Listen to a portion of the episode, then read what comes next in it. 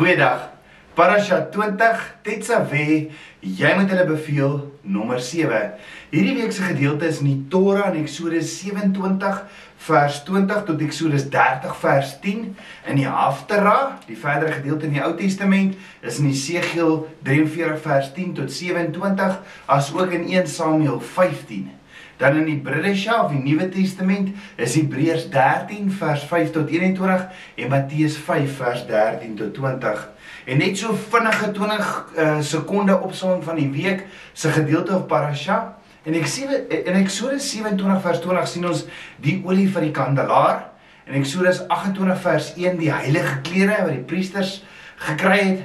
Dan Eksodus 28 vers 6 die skouerkleed vers 15 die borsplaat van beslissings vers 31 die priesterlike priesterlike mantel vir uh, dan Eksodus 29 vers 1 die wyding of ordinasie van die priester ehm um, Eksodus 29 vers 38 die daaglikse brandoffers en dan Eksodus 30 vers 1 die goue altaar of die reukaltaar ons gaan op hierdie parasha vandag so bietjie stil staan weer by die goue altaar wat Abba Vader vir Moses sê om te maak eh, te maak om voor die voorhangsel of die veil te staan wat net agter die veil is die allerheiligste en dis waar die priesters voor die goue altaar gekom het voor die veil elke dag wierook ook opgebrand het op hierdie goue altaar.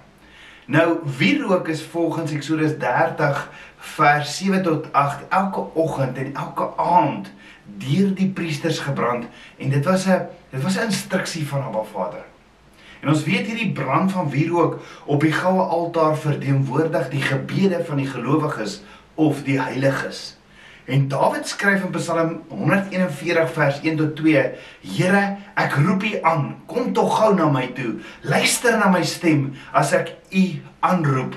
Laat my gebed soos 'n reukwerk wees voor U aangesig. Die opheffing van my hande soos die aandoffer.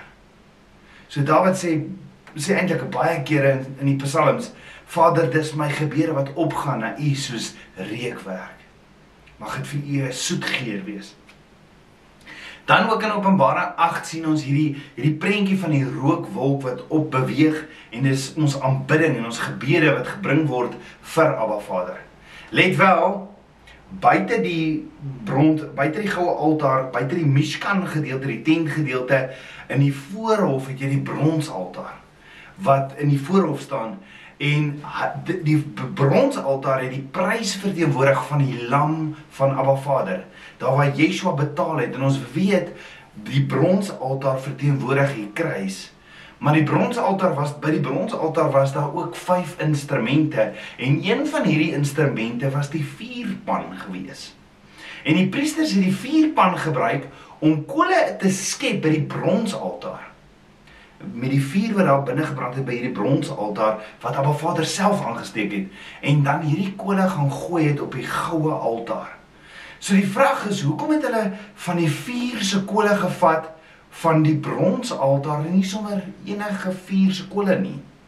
Hoekom spesifiek die bronsaltaar se vuur?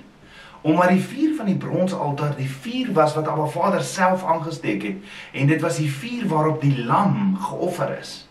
Dis hierdie vuur, hierdie vuur word genoem goddelike vuur of divine fire. En enige ander vuur wat nie kom van die goddelike vuur nie word genoem vreemde vuur of strange fire. Omdat die vuur van die bronsaltaar van Abba Vader self af is. Net Abba Vader se vuur wat uit die hemel uit was was gebruik. Daardie kole was gebruik. So hierdie week se gedeelte of parasha eindig met die laaste twee verse waar ons vandag so bietjie gaan stil staan uh, Exodus 30 vers 9 tot 10 wat sê julle mag daarop geen vreemde reukwerk of brandoffer of spysoffer bring nie. Julle mag ook geen drankoffer daarop uitgiet nie. En Aaron moet eenmaal in die jaar aan die horingsdae van verzoening doen met die bloed van die uh, sondeoffer van verzoening moet hy eenmaal in die jaar daarvoor verzoening doen vir hele geslagte. Hoe heilig is dit vir Yahweh. So met ander Abba Vader gee vir sy kinders 'n 'n waarskuwing. Hy gee 'n waarskuwing by hierdie goue altaar. En Abba Vader sê, julle mag daarop geen vreemde reukwerk, brandoffer, skuldoffer bring nie. Met ander woorde, jy mag nie vreemde wierook of vreemde vuur soontoe vat nie. Dan sien ons in Levitikus 10 vers 1 eh, tot 2 kom Aaron se twee seuns Onthou Aaron was hoofpriester en dan sy twee seuns Nadav en Abihu en hulle vat hulle eie vuur en hulle skep dit hulle skep dit in die goue altaar en hulle sterf aan die hand van Abba Vader. So wat leer Abba Vader ons wanneer hy sê moenie vreemde vure brand nie by hierdie goue altaar nie? Omdat hierdie selfde vuur wat gebruik is as die vuur van offers gebruik is vir die vuur van wierook wat my en jou gebede is. Die dieselfde vuur, die vuur wat by die bronsaltaar was wat Vader gegee het, is gebruik vir die wierook wat my en jou gebede verteenwoordig. So hierdie vuur wat by die offeraltaar brand, is die brandstof vir my en jou gebede. Geen ander vuur nie. Die offer op Golgotha Die bloed van die lam is die brandstof tot my en jou gebede en daar is niks anders nie. As ek in enige ander naam bid, Maria of Mohammed, is dit vreemd of strange fire. Hoekom? Want Maria uh, Maria of Mohammed was nie geoffer nie en en net daardie offervuur die prys wat Yeshua betaal het is die brandstof tot my aanbidding en daarom bid ons in die naam van Yeshua. En daar's niks anders wat autoriteit bring in my gebedslewe nie. As ek Abba Vader in Yeshua se naam bid, moet dit in lyn dan ook wees met Abba Vader se woord. Dis hoekom Jakobus sê in Jakobus 4 vers 3, julle bid en julle ontvang nie omdat julle verkeerd bid en dit in julle welliste deur te bring. Met ander woorde, julle bid julle julle bid julle eie wil. Om om verkeerd te beteken nie ek gebruik nie genoeg hoë teologiese woorde nie of uh, my my gebed is nou nie so mooi soos daai of daai persoon se nie. Nee, ek kan bid soos 'n kind, maar dit moet in autoriteit wees in die naam van Yeshua en volgens Abba Vader se woord, sy wil. Bid ek nie volgens Abba Vader se woord nie en in Yeshua se uh, en nie in Yeshua se naam nie, is dit vreemde vuur of strange fire. Nou Aaron se twee seuns, Nadav en Abihu, het ander kole, strange fire na die goue altaar toe gevat en die kole wat hulle gebring het was profane fire before the Lord. Hulle het besluit nee wat, hulle gaan eerder elders anders kole kry. So hulle het nie kole van die bronse altaar gebring nie teen Abba Vader se instruksie. Net soos wat Adam en Eva nie van Abba Vader hoekom kyk jy van hierdie vrug eet nie? En hulle luister nie van Abba Vader nie. Onthou Abba Vader het die vuur aangesteek. Hy self by die bronsaltaar en hy sê van hierdie kole dis sy vuur. En as jy van hierdie kole gebruik as jy nie van hierdie kole gebruik nie sê Abba Vader dan was dit geoorloofde vuur. En dit was 'n instruksie van Abba Vader. Ek kan nie my eie vuur maak of my eie kole bring nie. Ek kan nie kom met hierdie eie ek nie. Hierdie vuur by die goue altaar sê Johannes in Openbaring is is my en jou aanbidding of worship. Dis my gebed na die troonkamer van die allerheiligste. Ek kan nie mensgemaakte of my eie manier van dinge doen nie en dis hoekom Nadav en Abihu die seuns van Aaron dood gegaan het. Dood neergeval het by die goue altaar. Hulle het omgekom deur 'n vuur wat van 'n Vader, Jahweh Elohim gekom het. My aanbidding en gebed mag net uit die plek kom van 'n van 'n nederige dienskneg van Abba Vader. Vrygekoop deur die bloed van die lam en in verbond saam met Abba Vader wandel. Ek moet die verlossing van hom ontvang want hy is die allerhoogste. As ek Abba Vader wil aanbid en ek is nie bewus van wat sy seun Yeshua gedoen het en die prys wat hy betaal het nie, is dit uit verbond uit en is dit onkunde want Yeshua is die weg. Niemand kom by die Vader behalwe deur my nie, sê Yeshua. En dan sê Handelinge 17 vers 30, God het dan die tye van onkunde eh, onkunde oorgesien en verkondig nou aan al die mense oral dat hulle hulle moet bekeer, bekeer. Draai terug na Vader toe. Met ander woorde, bekeer jouself voor jy enige offer bring van voor jy enige uh, offer bring van aanbidding. Yeshua, Yeshua het die prys betaal en ek en jy die keuse, gaan ons dit aanvaar soos hy dit gegee het of gaan ons dit verwerp? As ek op my eie manier aanbid, dan sal ek ewig in die hel bly. Ja, maar Vader sê dit baie duidelik in sy woord. Jy mag geen ander kole na die goue altaar toe vat met hierdie vier panne nie want dit was sy vuur wat gebrand het op die bronse altaar. Onthou niemand het die vuur op die bronse altaar aangesteek nie. Nee, Abba Vader het en dit staan in Levitikus 9 vers 24. Abba Vader het die vuur gestuur op die bronse altaar en die priesters moes hom aanhou laat brand. Was deel van die priester se werk. Hulle het elke dag gesorg dat daar die vuur aanhou brand. Maar Vader het dit aangesteek. En dan sê die woord verskeie kere on, uh, onder andere in Levitikus 6 vers 13 vuur moet gedurig deur op die altaar aan die brand gehou word. Dit mag nie doodgaan nie. So die rede vir hierdie aanhoudende vuur hoekom? Hoekom sê Abba Vader hierdie vuur wat hy aangesteek het by die bronsaltaar daai daai kode wat jy moet skep nadat jy gou al hoekom moet daai vuur aanhoudend aangesteek word? Of of aanhoudend hy mag nie doodgaan nie Die rede vir hierdie aanhoudende vuur was omdat Abba Vader die vuur begin het en dit het dit het gedien as 'n konstante herinnering van Abba Vader se krag, sy autoriteit. Die vuur was 'n geskenk van Abba Vader. Daarom geen ander vuur was aanvaarbaar vir Abba Vader nie. Die bloed van die lam was 'n geskenk. Geen ander vuur is aanvaarbaar nie. Die vuur verteenwoordig ook Abba Vader se teenwoordigheid. So hoor gou-gou Die woord sê in Levitikus 10 vers 2, daarop het daar vier van die aangesig van die Here uitgegaan en en vir Nadav en Abihu verteer en hulle het gesterwe voor die aangesig van Jahweh. So Nadav en Abihu het gesterwe reg voor Abba Vader, reg voor die wil. So kan ek vra, as Abba Vader 'n God is van liefde, as Abba Vader 'n barmhartige God is van genade, hoekom het Nadav en Abihu gesterf? Deur 'n vuur van Abba Vader. Of mag ons nie meer praat oor Abba Vader se oordeel nie?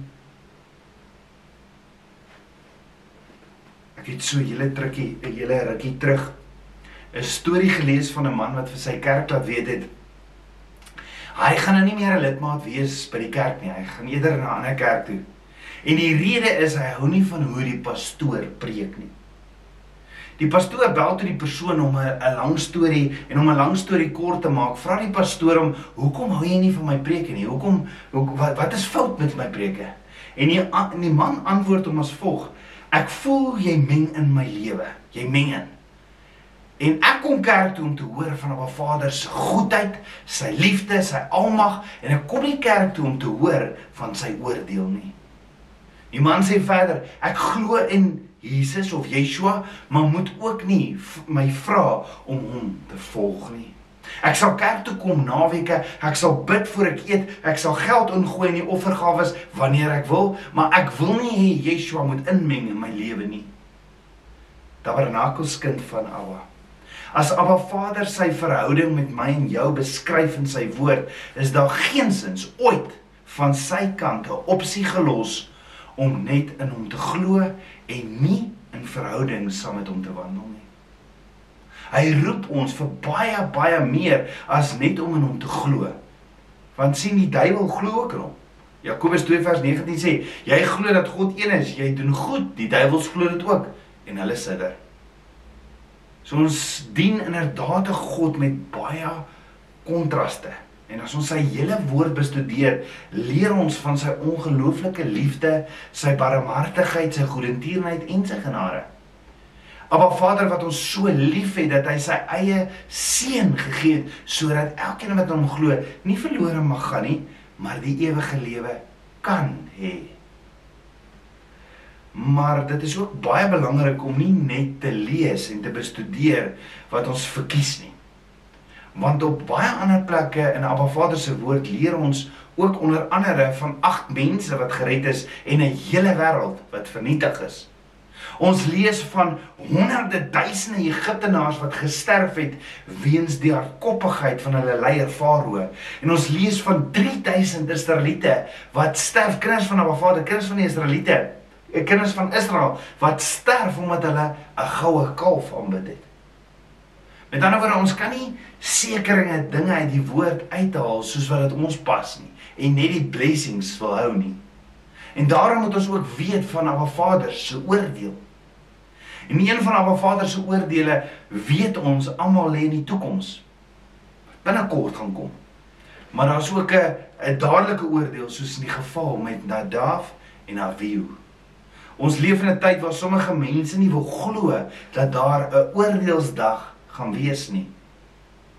Hulle glo ook nie dat daar 'n plek soos die hel is nie. Maar Yeshua het onder andere meer oor die hel gepreek as oor die hemel. Ja, die Griekse woord vir hel is Gehenna. En hierdie woord word 12 keer in die Nuwe Testament gebruik terwyl Yeshua dit self 11 keer gebruik het in sy leringe. Gehenna is afgelei van die Hebreëse woord vir Hinnom of die valley of Hinnom. Hinnom beteken a cry of sorrow and grief. Die val, die vallei van Hinnom is 'n diep, smal vallei net buite Jerusalem en is gebruik as 'n plek waar Sodomiete en ander afgode dienaars allerlei gruwelike en goddelose dinge gedoen het, onder andere hulle kinders gegee het as brandoffers vir die afgode Molok en Baal. Dit was 'n hele vallei waar lyke was en as ook eh, wat afgegooi was en en dan sê Jeremia 31 vers 40 ehm um, dit wat dis wat Jeremia 31 vers 40 vir ons leer. Hulle het drie lyke afgegooi daarso in hierdie vallei. Yeshua het self die simboliek van Hinnom gebruik om die plek van ewige straf te beskryf.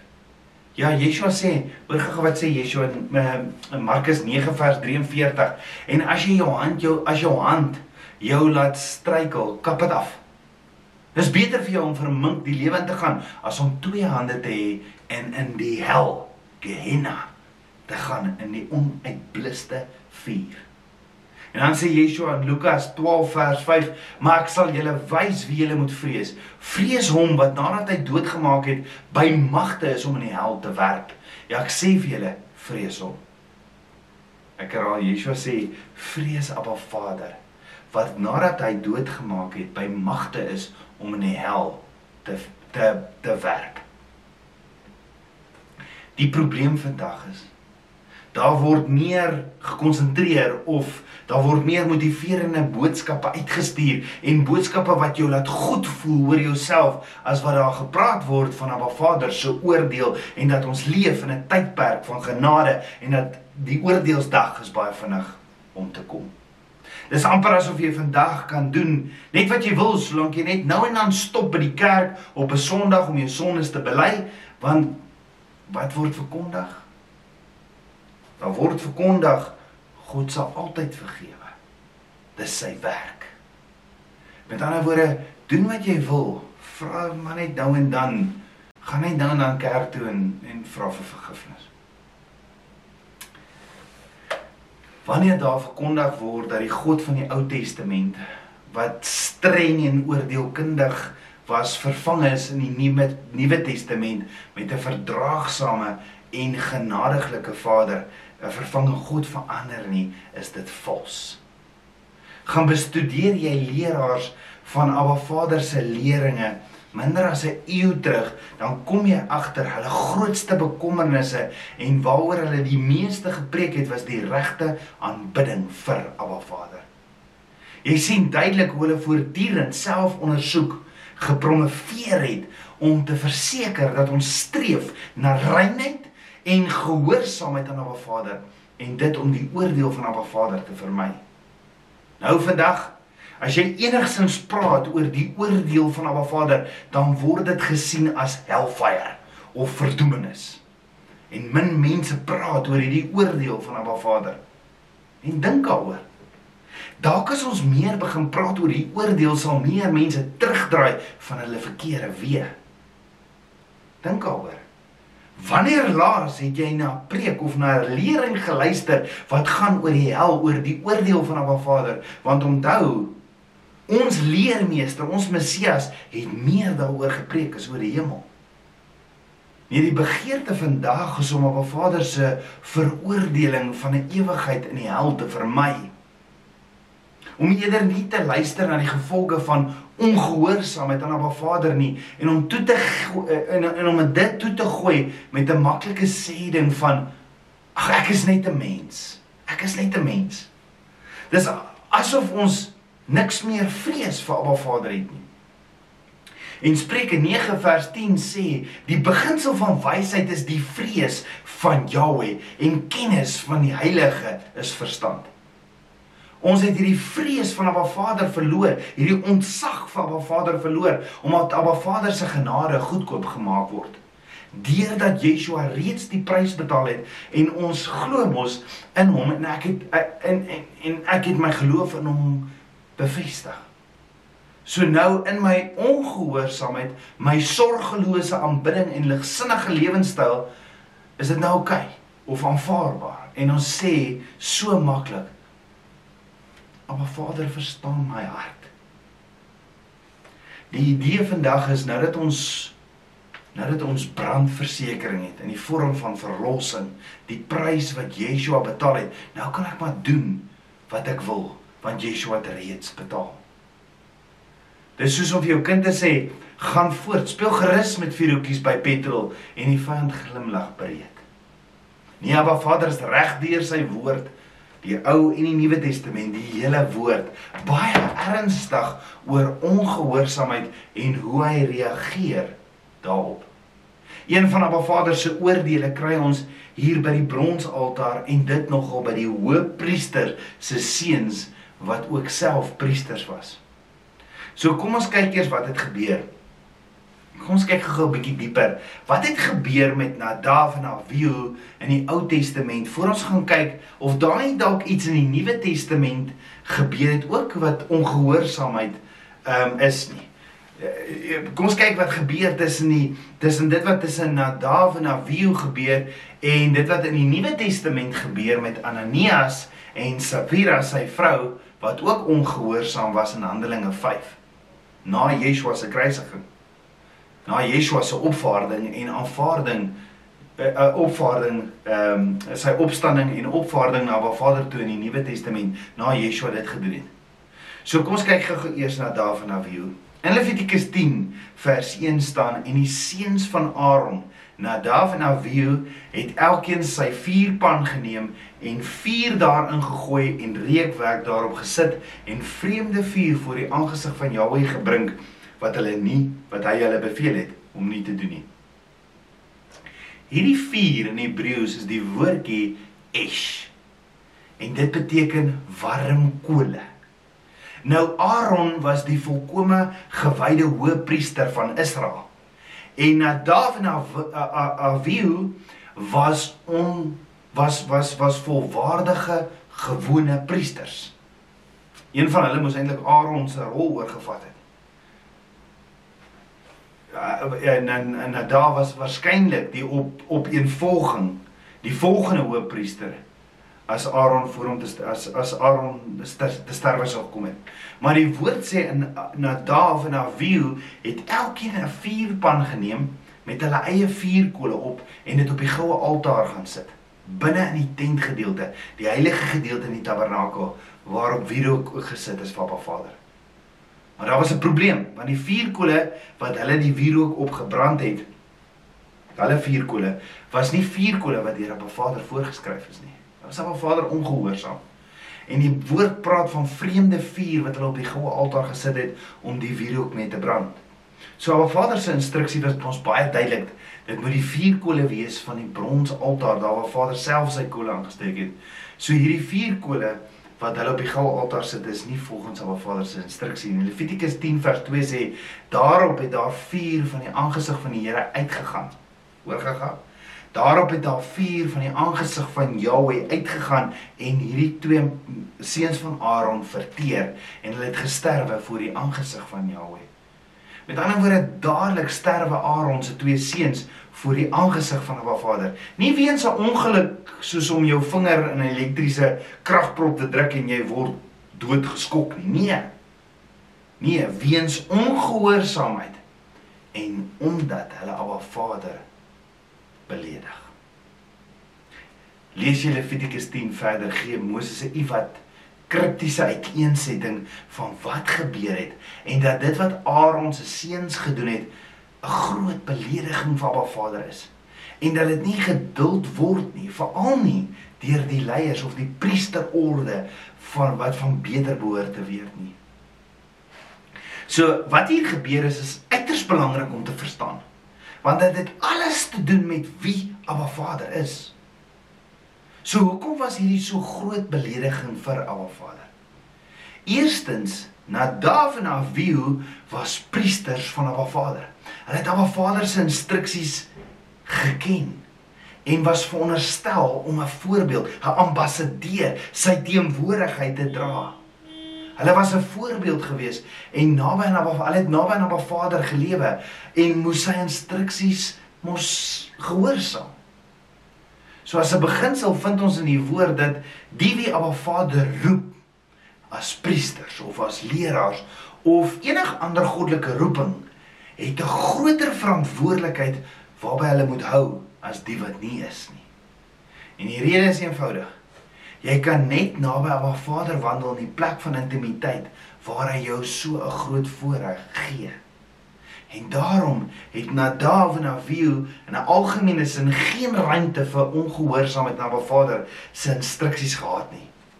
Omdat hulle Abba Vader se bevoorregte amper dienaars was.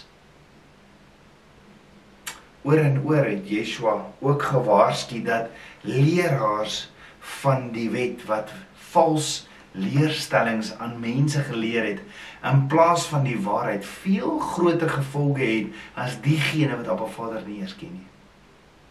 In Levitikus 10 vers 3 staan: "Toe sê Moses vir Aaron: Dit dit is dit wat die Here gespreek het deur te sê: En die wat naby my is, wil ek my as die heilige laat ken en voor die oë van die hele volk wil ek my verheerlik." Maar Aaron het stil gebly. Alhoewel dit op op die oppervlak na 'n prosedure oortreding kan lyk wat Abba Vader tot so 'n troon ontlot het dat hy twee dat hy die lewe van twee van die seuns van Aaron uit die weg geruim het was dit eintlik omdat hulle die een ding gedoen het wat nooit gedoen moet word nie en dit is om Abba Vader se heiligheid te skend. Abba Vader sê ek sal as heilig behandel word veral deur diegene wat gemagtig is om naby my te kom. En diegene wat vereer is om in die openbaar te dien in 'n hoë posisie soos 'n priester moet op 'n hoë standaard gehou word sodat ek voor al die mense, voor dit sodat Abba Vader voor al die mense geëer sal word. Want as die priesters, die wat naby aan Abba Vader wandel, minagting en on, onverskilligheid in hulle aanbidding toon aan die volk, wat sal die volk dan nou doen? Hierdie is ernstig. Want hoe neem jy 'n God wat die lewe so waardeer, die lewe hoe hoe hoe hoe neem 'n God wat die lewe so waardeer, die lewe weg in 'n oomblik van oordeel? Wat het nou gebeur met die God wat sy volk barmhartig uit die hand van Farao gered het? Waar is die vergifnis wat Aaron en sy seuns in staat gestel het om priesters te word? Oorgaga, ons dien net een God en hy verander nie. Ons moet die erns wat vir ons opgeteken word in sy woord met die grootste erns opneem omdat dit daar is om ons te leer. Maar dink daaroor. Is daar dalk enige parallelle wat getrek kan word tussen wat Nadav en Abihu in ongehoorsaamheid gedoen het in die Ou Testament en wat Ananias en Safira sy vrou in ongehoorsaamheid gedoen het in die Nuwe Nuwe Testament? Wat bewys ons dien nog steeds dieselfde lewende God, Yahweh Elohim wat nie verander nie. So hoekom is die verantwoordelikheid groter vir die wat loop met hierdie hierdie goddelike roeping soos byvoorbeeld om sy woord te bedien? En dit wil ons ook sien. Hoekom is dit hoekom is dit hoekom is die verantwoordelikheid groter vir die wat loop wat wat 'n roeping het soos byvoorbeeld om die woord te bedien? Want dit is net uit 'n plek van intimiteit waar jy sy stem hoor en saam met hom wandel en waar jy die groot voorreg kry om sy skapies te bedien met sy voeding. En daarom het Nadav en Abihu geen verskoning gehad as om net Abba Vader se woord sy instruksies te gehoorsaam nie. Inteendeel Yeshua sê in Johannes 14 vers 5 in die King James if you love me keep my commandments. So dit is uit 'n plek van intimiteit uit. Uit liefde uit waar jy nie anders kan is om 'n Vader se instruksies te gehoorsaam. So daar was geen ruimte vir ongehoorsaamheid vir die bevoorregte dienaars van 'n Vader nie. So ons sien duidelik Abba Vader se oordeel in die Ou Testament. En die vraag is het Abba Vader verander of hy sê dieselfde in die Nuwe Testament?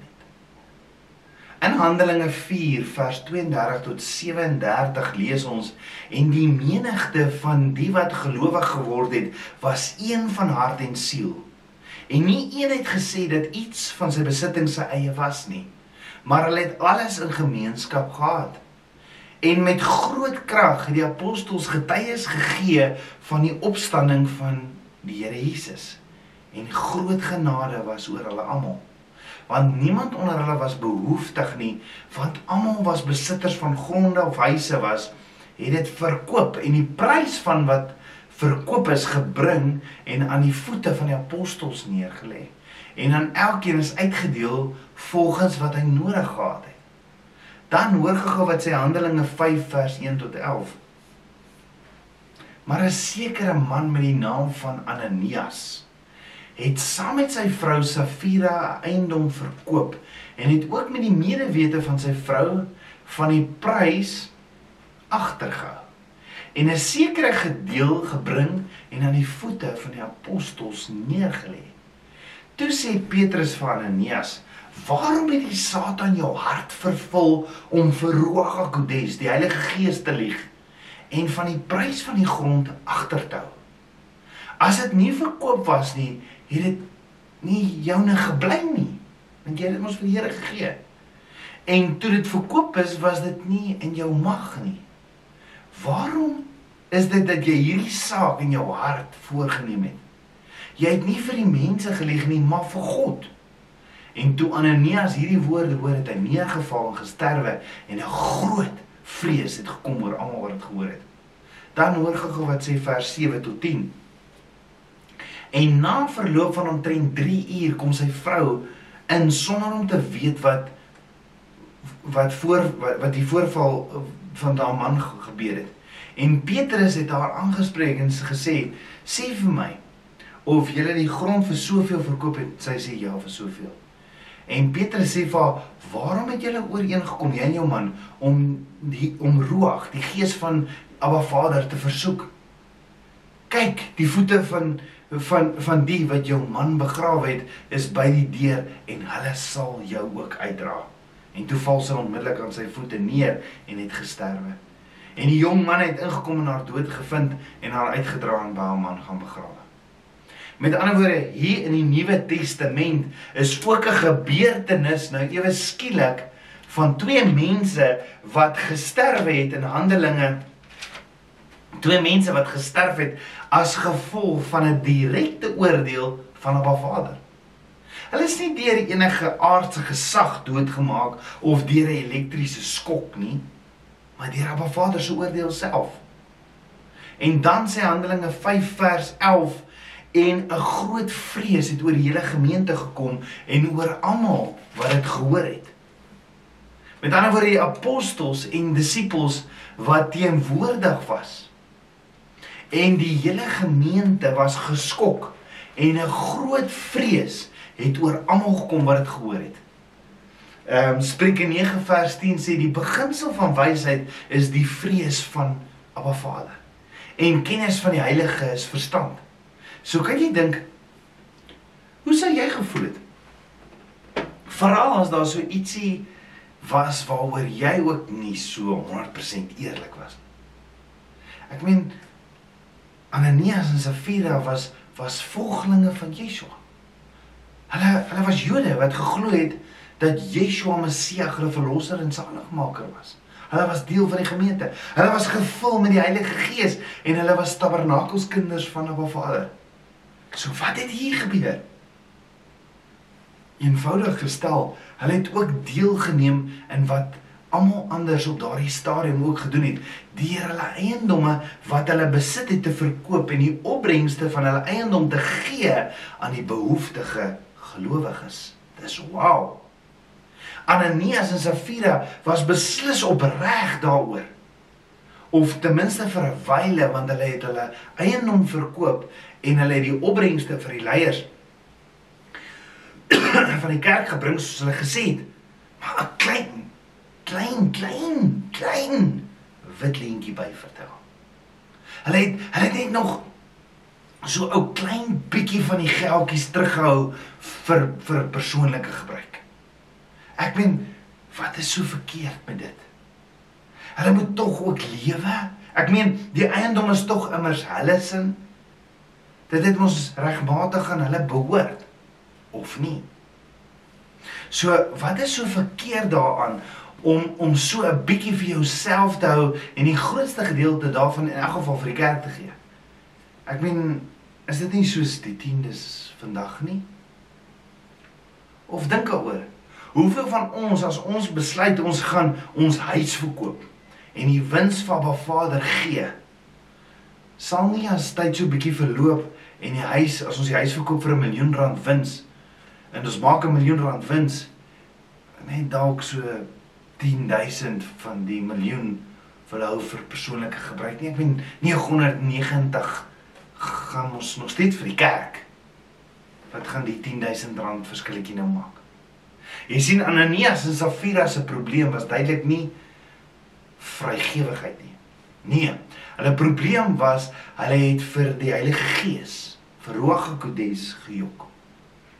En dit was wat Abba Vader se oordeel met die doodsvonnis oor hulle gebring het. Hoe was dit? Want hoeveel keer het ek en jy nie al vir die Heilige Gees ook gejok nie? Petrus self het 3 keer gejok en Yeshua ontken en verraai voor die hand gekraai het. Maar hy het nie gesterf nie. So hoekom het so oordeel soos hierdie op Ananias en Safira gekom? Hoor gou wat leer Abba Vader ons in sy woord. Wanneer iemand 'n offer na die tabernakel na die skathuis van Abba Vader toe bring en dit aan Abba Vader gee, word dit Abba Vader se, dit word sy eiendom. Om te verduidelik. In die offerstelsel het dit die offer uit die offer amptelik Abba Vader se geword as die priester sy hande op die dier se kop gesit het. Daar's 'n Hebreë woord vir dit simika om aan te dui dat hierdie dier inderdaad die offer was en dat dit vir Abba Vader oorgedra is. So vanuit 'n geestelike oogpunt, wanneer hierdie oordrag van eienaarskap van die dier wat geoffer word, geoffer gaan word vir Abba Vader daadwerklik plaasgevind. Hooggeleerdes sê dit gebeur die oomblik wat die aanbidder die tempelterrein binne gekom het met die dier dat dit Abba Vader se eiendom geword het. Hoe dit ook al sou sê, die term wat die woord gebruik as offers aan Abba Vader gegee word, is die oomblik wanneer dit Abba Vader se word, dan is dit heilige eiendom van Jahweh. Dit is syne. Nou volgens Abba Vader se woord is dit 'n baie ernstige, ernstige oortreding as jy Abba Vader se heilige eiendom skade berokken. En die rede is omdat Abba Vader die heilige eiendom as heilig beskou.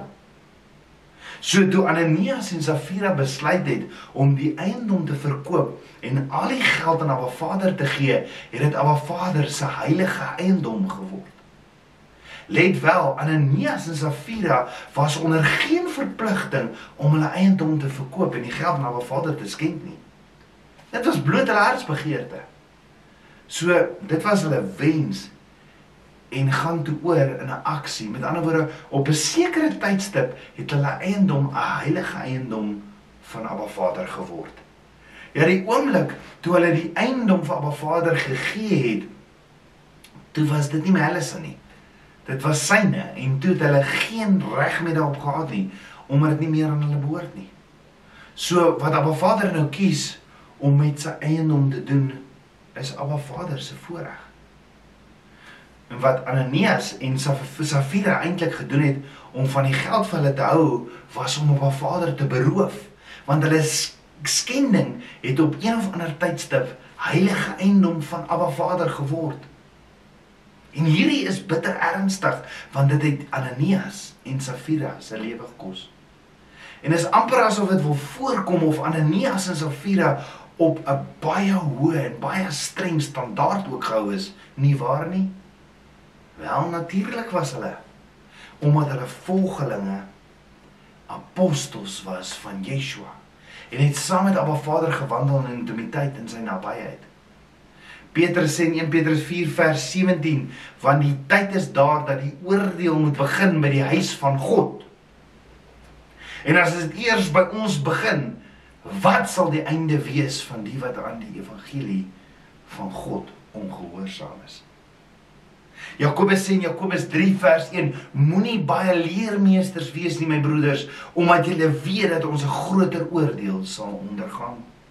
Yeshua sê in Lukas 12 vers 48: "Maar hy wat nie geweet het nie en gedoen het wat slaaf verdien, sal min slag geslaan word, en elkeen aan wie veel gegee is, van hom sal veel gevorder word, en aan wie hulle veel toevertrou het, van hom sal hulle oorvloediger eis." Met ander woorde, in wese het Ananias en Safira dieselfde status voor Abba Vader gehad as die seuns van Aaron, Nadav en Abihu. Hulle was almal priesters.